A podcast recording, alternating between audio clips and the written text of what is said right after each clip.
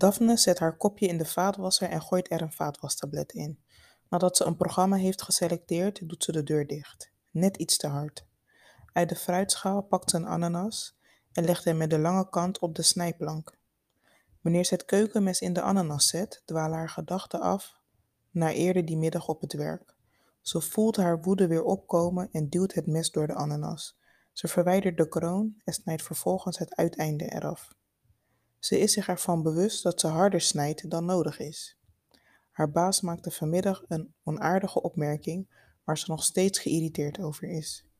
Ze zet de ananas rechtop en begint verticaal de schil eraf te snijden.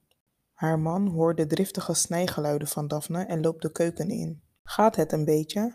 Men kan je helemaal in Timbuktu horen snijden, vraagt Arthur aan zijn vrouw. Het gaat wel, dank je. Ik had gewoon een rotdag op werk, beantwoordt Daphne. Oh, liefje, je baas was toch niet weer onaardig tegen je? Arthur is achter zijn vrouw gaan staan en heeft zijn handen om haar middel geslagen. Zijn kin rust op haar schouder. Ja, het was weer raak vandaag. Niemand op kantoor kon iets goed doen. En ik kreeg weer de volle laag, zegt Daphne. Ze is gestopt met snijden en heeft het mes nog in haar hand. Arthur geeft zijn vrouw kleine kusjes in haar nek. Wat kan ik doen om je te helpen ontspannen en deze dag te doen vergeten? Vraagt Arthur, terwijl hij met zijn rechterhand over de volle billen van zijn vrouw glijdt. Langzaam begint haar haar te masseren. Misschien kunnen we later samen film kijken, zegt Daphne, terwijl ze doorgaat met het schillen van de ananas. Arthur glijdt met zijn hand onder haar rok en Daphne geniet van de warme aanraking op haar huid. Zijn andere hand gaat vanaf haar middel omhoog op zoek naar haar borsten. Laten we dit straks even doen, schat. Mijn ouders kunnen elk moment voor de deur staan, zegt Daphne en begint nu de ananas in stukken te snijden. Arthur negeert wat zijn vrouw zegt en schuift met zijn rechterhand haar slipje opzij.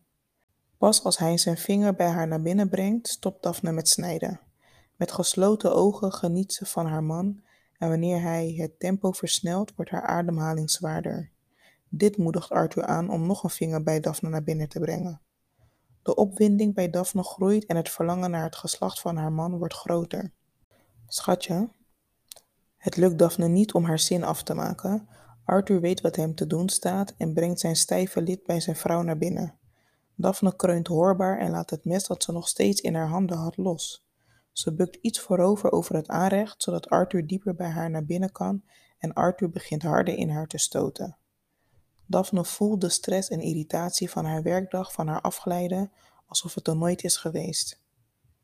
De withouten jaloezieën in de keuken staan open en Daphne ziet nog net hoe buurvrouw Annie wegduikt achter haar lamellen.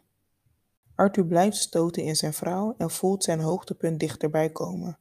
Hij schroeft het tempo wat terug om zijn orgasme uit te stellen, maar Daphne gebiedt haar man door te gaan en Arthur doet wat zijn vrouw hem opdraagt.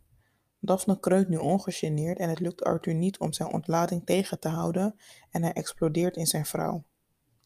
Na een paar seconden trekt hij zich terug en kleedt zich aan. Daphne weet het antwoord, maar stelt Arthur toch de vraag of hij in haar is klaargekomen. We zouden nog even wachten met kinderen, vult Daphne aan. De deurbel gaat en Arthur loopt naar de deur. Dat klopt, schat, maar ik kon me niet bedwingen toen ik je zo driftig zag snijden. Je weet dat ik je sexy vind wanneer je boos en geïrriteerd bent, zegt Arthur. Hij knipoogt naar haar en opent vervolgens de deur. Een ondeugende glimlach ontstaat om de mond van Daphne en ze trekt snel haar kleding recht. In de hal steekt ze haar armen uit naar haar moeder zodra zij is binnengestapt. Hoe gaat het met je, lieverd? Je ziet er verhit uit, zegt de moeder van Daphne. Ze voelt haar wangen warm worden en strijkt nerveus haar kleding glad. Ik heb een drukke dag gehad op werk, mam, maar Arthur zorgt goed voor me en helpt me te ontspannen, zegt Daphne. Een brede grijns verschijnt op het gezicht van Arthur.